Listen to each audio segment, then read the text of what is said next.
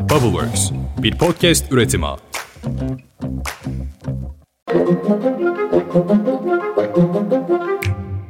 Günaydın. Bugün 20 Mart 2023. Ben Özlem Gürses. Bubbleworks Media ve Pushholder'la birlikte hazırladığımız 5 dakikada dünya gündemine hepiniz hoş geldiniz. İzmir İktisat Kongresi günleri bitti. İstanbul'da 5 kedili, bir köpekli ev stüdyomdan sesleniyorum size.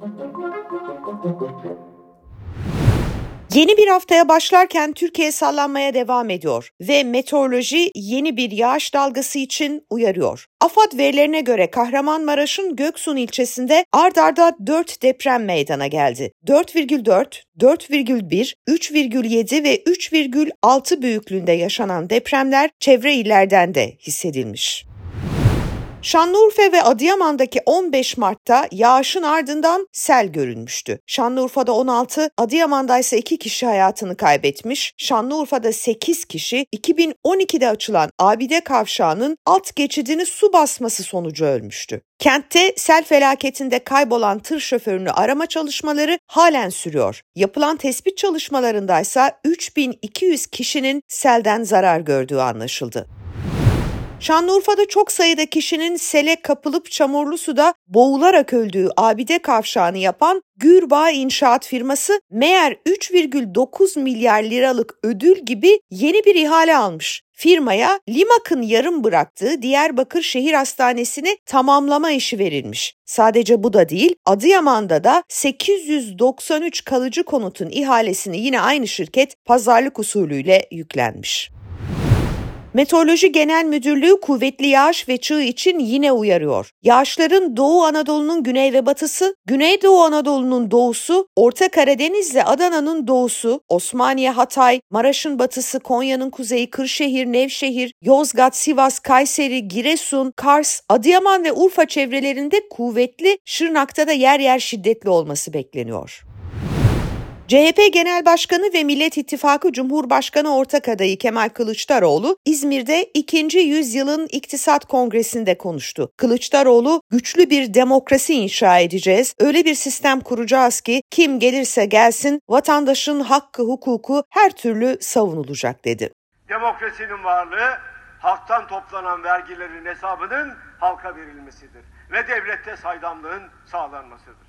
Güçlendirilmiş parlamenter sisteme geçerken bunu vaat ederken Millet İttifakı olarak dedik ki ulusal vergi konseyi kuracağız. 85 milyondan toplanan vergilerin nerelere harcandığını Ulusal Vergi Konseyi her yıl toplanacak, bir rapora bağlayacak, resmi gazetede yayınlanacak ve bütün Türkiye'de işçisinden emeklisine kadar, sanayicisinden esnafına kadar herkes bilecek benim ödediğim vergiler nerelere harcandı.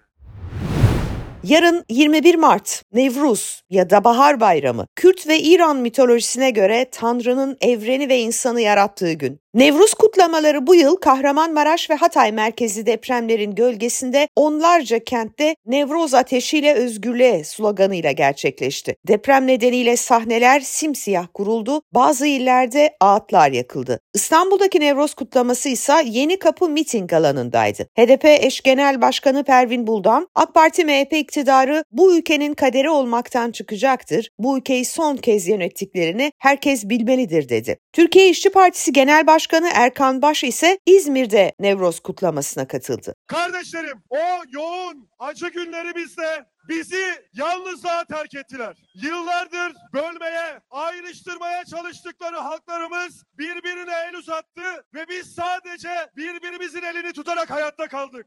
Şimdi hepsinin hesabını yine birlikte soracağız. Asrın felaketi diyorlardı. Asrın dayanışmasını örgütledik. Şimdi hazır olsunlar. Asrın hesaplaşması geliyor. Asrın hesaplaşması.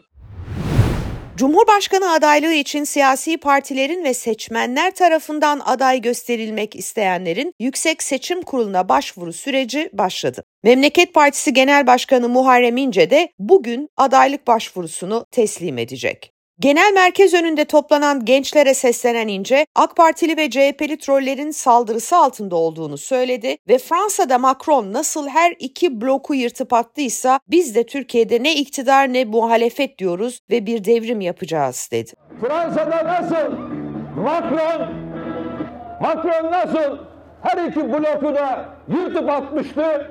Biz de Türkiye'de bir devrim yapacağız. Ne cumhur ne millet, tek memleket. Sağ olun, var olun. 14 Mayıs'ta gerçekleşecek seçimler için Millet İttifakı'nın iki Cumhurbaşkanı yardımcısı adayı Ekrem İmamoğlu ve Mansur Yavaş'tan ortak bir mesaj geldi. Sosyal medya hesaplarından aynı anda paylaşım yapan İstanbul Büyükşehir Belediyesi ve Ankara Büyükşehir Belediyesi başkanları vatandaşlara seçim günüyle ilgili aynı çağrıda bulundular. 14 Mayıs'ta yeni bir dönemi beraber başlatacağız. Tüm vatandaşlarımızı Millet İttifakı'nın platformu olan Türkiye gönüllerine katılarak sandıklarda sorumluluk üstlenmeye davet ediyoruz. Bu arada Cumhurbaşkanı seçimi ve genel seçimlerle ilişkin seçmen listeleri de yarın askıya çıkacak. Lütfen isimlerinizi kontrol edin. İkametgahınızda ya da kimlik bilgilerinizde varsa bir hata düzelttirmek için son haftanız.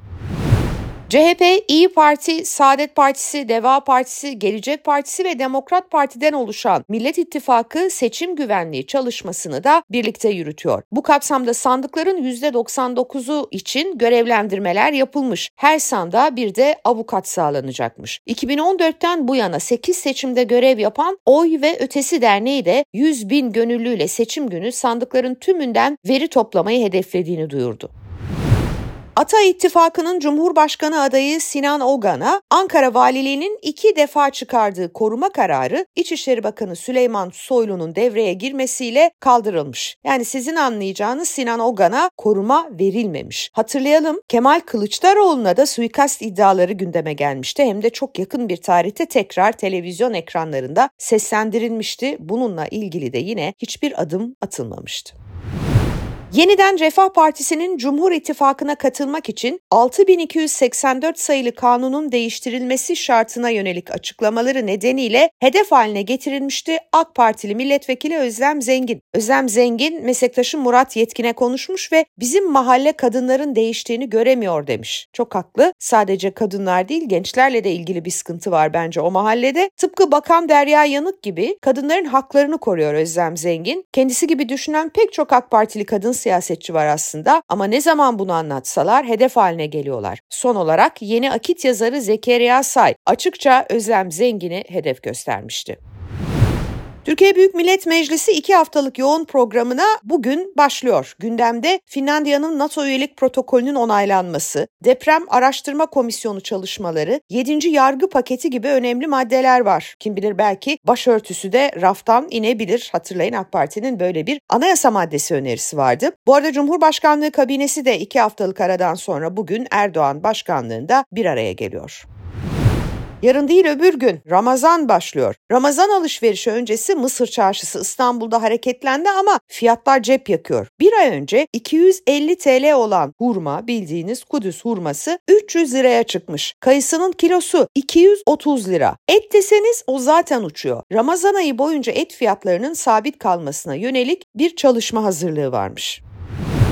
Türkiye Emekliler Derneği TÜET Genel Başkanı Kazım Ergun hükümete bir çağrı yaptı. Emeklilere Kurban ve Ramazan bayramlarında verilen 1100 liralık ikramiyenin en düşük emekli aylığı olan 5500 liraya yükseltilmesini istedi. Ergün milyonlarca emekli hükümetten bu yönde bir müjde bekliyor dedi.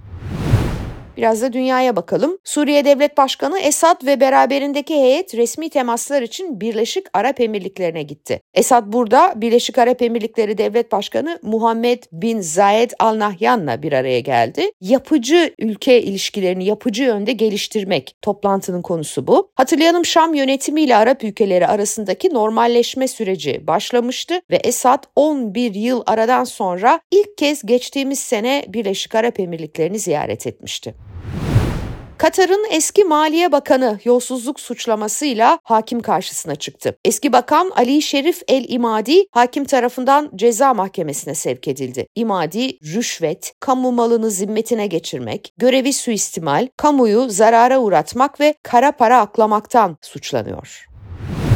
Afrika'nın güneydoğusunda son bir aydır etkisini gösteren Freddy kasırgasında yaşamını yitirenlerin sayısı 522'ye ulaştı. Kasırganın yol açtığı sel ve heyelanlarda Malawi'de 438, Mozambik'te 67, Madagaskar'da 17 kişi hayatını kaybetti. Birleşmiş Milletler kasırganın 500 bin kişiyi olumsuz etkilediğini ve sadece Malawi'de 345 bin kişinin yerinden olduğunu açıkladı. Evet yarın Nevruz hem baharın başlangıcı hem de benim oğlumun doğum günü. Araya böyle kısacık bir doğum günü mesajı sıkıştırsam herhalde beni hoş görürsünüz değil mi? İyi ki doğdunuz ay, iyi ki doğdun oğlum. Bin yaşasın bütün evlatlarımız. Bugünü de böyle bitirelim istiyorum. Yarın sabah görüşünceye dek hoşçakalın. Bahar geldiğinde mi ben böyle olurum Yoksa böyle olduğunda mı gelir bahar Ayrıca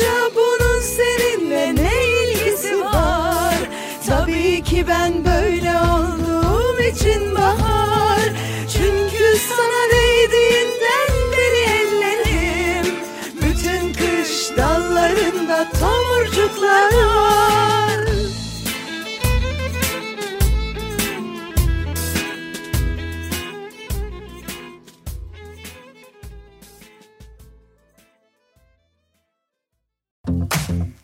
Bubbleworks bir podcast üretimi.